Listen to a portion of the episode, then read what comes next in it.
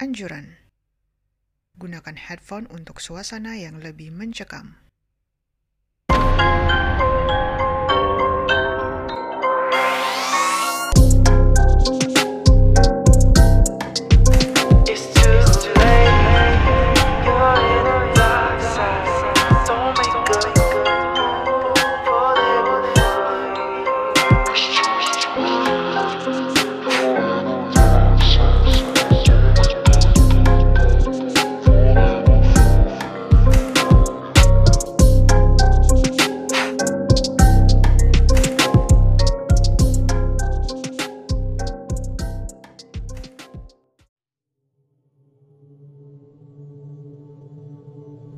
Cerita ini sebenarnya bermula sejak aku kecil.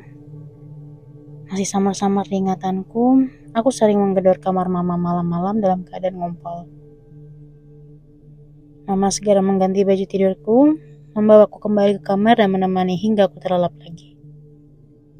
Hampir begitu kejadian setiap malam, sampai akhirnya mama kesal dan memarahiku. Aku lantas tak berani lagi membangunkannya malam-malam. Aku akan memilih bersembunyi dalam lemari hingga tertidur di sana sampai esok harinya.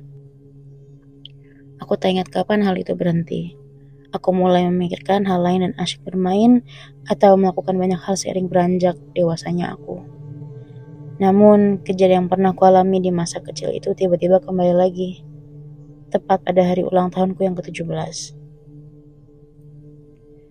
Selesai makan malam di rumah Eyang, kami kembali ke rumah.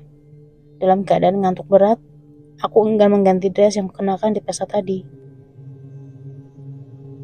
Kubiarkan tubuhku limbung dalam keadaan telungkup di kasur, dan aku pun mulai terlelap. Aku tak tahu jam berapakah saat itu. Tiba-tiba aku rasakan hawa dingin menyelimuti kamar. Mataku terberlalak. Setengah sadar dan masih mengantuk, aku merasa ada yang memegang tanganku. Dingin, sangat dingin. Aku terhenyak dan kutarik tanganku itu. Sepi. Tak ada sedikit pun suara yang kudengar malam itu. Bahkan jangan berharap ada suara jangkrik di kota kecil ini. Semua lahan telah berubah menjadi gedung di mana tak ada lagi ruang untuk serangga berkembang biak lagi. Aku terdiam, berpikir, hendak apa aku? Apakah aku harus turun dan melihat ada apa di bawah kolong tidurku? Jantungku berdegup begitu kencang.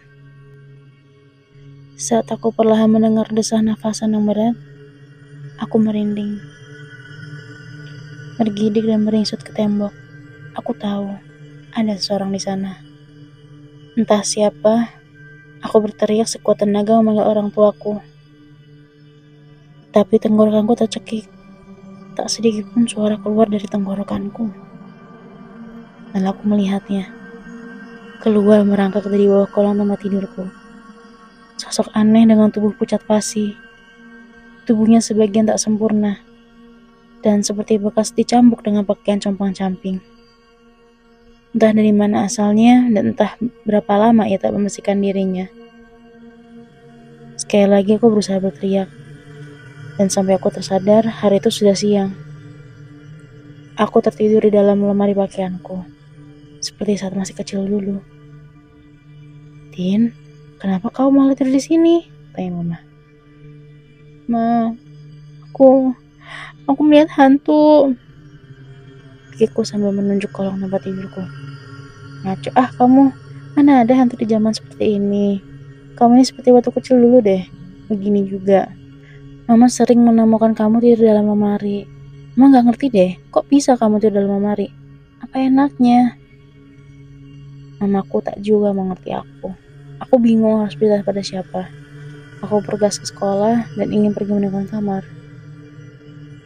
Nama kamu Tina kan? Sapa seorang wanita parubaya yang tak pernah kulihat sebelumnya. Iya bu, ibu siapa ya? Kok bisa tahu nama saya? Tidak penting siapa aku.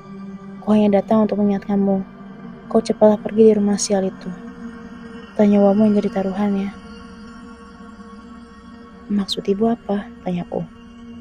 Ibu tuanya berlalu, berjalan cepat ke arah sebuah gang di dekat sekolahku. Saat aku kejar, ya sudah hilang tak ke mana. Mah, tadi ada kejadian aneh deh. Masa ada ibu-ibu yang nyuruh aku pergi di rumah ini? Kataku sambil membanting tas di meja makan. Aku mengintip ada menu apa sih yang ini yang disajikan untukku.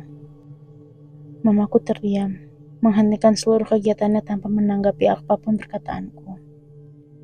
Tiba-tiba ia berbalik badan dan mengajakku ke rumah Eyang. Kenapa tiba-tiba mama mengajakku ke rumah Eyang sih, mah?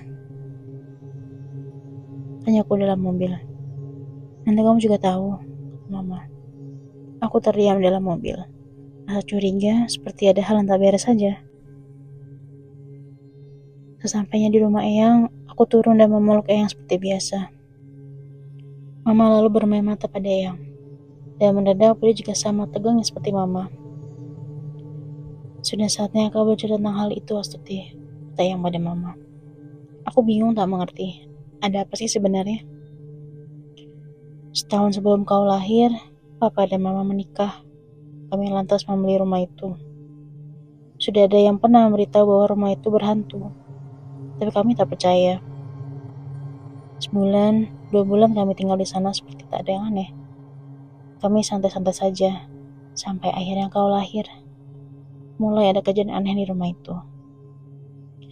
Rupanya dulu ada keluarga yang tinggal di sana, di mana kedua orang tuanya sebenarnya tak menginginkannya. Entah bagaimana ceritanya, anaknya dibantai dan dikubur tepat di tempat tidurmu. Anak itu jatuh cinta kepada papa dan mama yang selalu bersikap sepantasnya orang tua. Ia cemburu padamu. Suatu hari, mau pernah bertemu dengannya. Mau berkata, sudah saatnya ia pergi dan tak lagi penasaran lagi di dunia. Entah bagaimana, ia menurut saja. Ia tak pernah muncul lagi dan menghilang. Awalnya mama sudah curiga saat kau sering mengganggu tidur mama sewaktu kecil dulu. Tapi mama pikir karena saat itu kau mencari perhatian saja. Maaf ya, mama telah mengacuhkan kamu. Cerita mama membuatku kaget. Jadi selama ini mama sudah tahu ada hantu yang menggangguku. Ma, aku nggak mau balik ke rumah itu. Kita harus pergi, ma. Ibu tuh sudah mengingatkanku kalau aku kembali ke rumah itu aku akan mati. Aku ketakutan dan larut dalam tangis. Tidak, kau harus tetap kembali ke rumah itu. Kau harus bisa menjelaskan padanya bahwa ia seharusnya sudah tenang dalam sana. Mungkin hanya kau yang bisa membuatnya yakin dan arwahnya tenang, kata nenek. Setelah aku tenang, mama mengajakku kembali pulang ke rumah. Aku masih merasa takut. Aku merasa tidak tenang. Malam itu, aku mempersiapkan diriku baik-baik. Kalau nanti malam aku terbangun dan melihatnya lagi, aku harus beranikan diriku untuk berkata apa yang dikatakan yang padaku. Aku tertidur dan terbangun dalam kondisi terlungkup dengan tangan menjulur ke arah kolong. Kurasakan degup jantungku sangat kencang. Dia di sana, sedang megang tanganku. Aku pun berusaha menarik tanganku. Tapi begitu berat dan aku tak mampu. Justru dalam hitungan detik, Aku ditarik ke dalam kolong. Gelap, pengap, aku melihatnya lagi, tepat di depan mataku. Ia sosok yang sangat menyeramkan, tanpa senyum sedikit pun di wajahnya. Aku berusaha menjelaskan maksudku kepadanya, namun ia marah dan menarikku semakin dalam dan dalam. Aku tak sadarkan diri. Aku membuka mataku, sepertinya sudah pagi, tetapi pandangan mataku buram seperti tertutup kisi-kisi pintu lemari. Ah, aku tak tidur lagi dalam lemari kamarku. Tapi suara apakah itu? Tin, bangun sudah siang. Masa kamu gak sekolah sih? Suara membangunkan seorang di rancang kamarku. Aku mengintip dari sela-sela lemari. Iya mas, sebentar lagi dong. Tina masih pengen dipeluk mama nih. Suara itu. Wah Tuhan, apa yang terjadi? Mengapa aku melihat diriku sendiri di kamarku? Mengapa aku melihat mama di kamarku sedang bersama diriku yang lain? Lalu siapakah aku? Aku ini apa?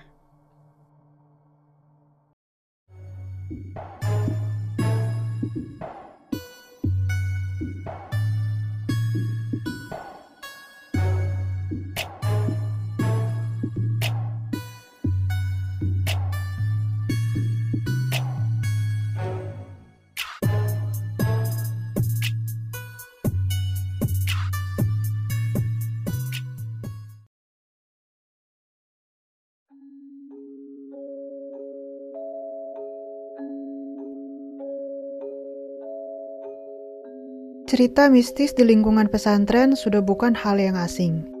Entah itu sebuah kebetulan atau apa, aku tidak bisa menjelaskannya. Sebagai orang yang pernah nyantri, aku pun pernah mengalami hal tersebut. Beberapa kali aku mengalami kejadian seram semasa tinggal di pesantren. Ada satu kejadian yang masih kuingat sampai sekarang. Padahal kejadian tersebut sudah belasan tahun berlalu. Jadi, pada satu malam, aku dan temanku bernama Amin sedang diam di lantai dua asrama sambil menyetrika baju. Saat itu pesantren sedang libur sehingga kami bisa menghabiskan waktu dengan melakukan kegiatan yang kami inginkan karena kegiatan rutin santri diliburkan. Banyak juga anak-anak yang pulang kampung karena liburan yang cukup lama. Yang tersisa di asrama adalah anak-anak yang rumahnya di pulau seberang, seperti Amin, atau mereka yang memang tidak mau pulang walaupun dekat seperti aku. Posisi asrama tepat berada di belakang bangunan sekolah. Jadi, kami menyetrika baju sambil melihat pemandangan bagian belakang bangunan sekolah yang gelap karena lampu kelas tidak dinyalakan. Lampu jalan pun tidak ada sama sekali. Jadi bisa dibayangkan, di depan asrama keadaannya benar-benar gelap gulita. Kembali kepada Amin dan aku yang sedang menyetrika. Saat sedang asik menyetrika, aku melihat di bawah ada bayangan orang yang berjalan pergi menjauhi asrama. Kami berdua mengenalinya. Sebut saja namanya Yahya. Amin lalu memanggilnya sambil agak berteriak karena kami ada di lantai yang berbeda. Yahya pun menyahut. Terjadilah percakapan singkat antara keduanya, tapi aku lupa apa isi perbincangannya. Selesai berbincang, orang itu pergi menjauhi asrama melewati bangunan sekolah yang gelap gulita. Kami pun melanjutkan kegiatan menyetrika sampai tiba-tiba dari dalam kamar ada seorang teman bertanya kepada Amin. Min, kamu mau ngobrol dengan siapa? Tanyanya. Si Yahya, jawab Amin singkat. Hah? Dia sudah pulang tadi siang ke Jakarta.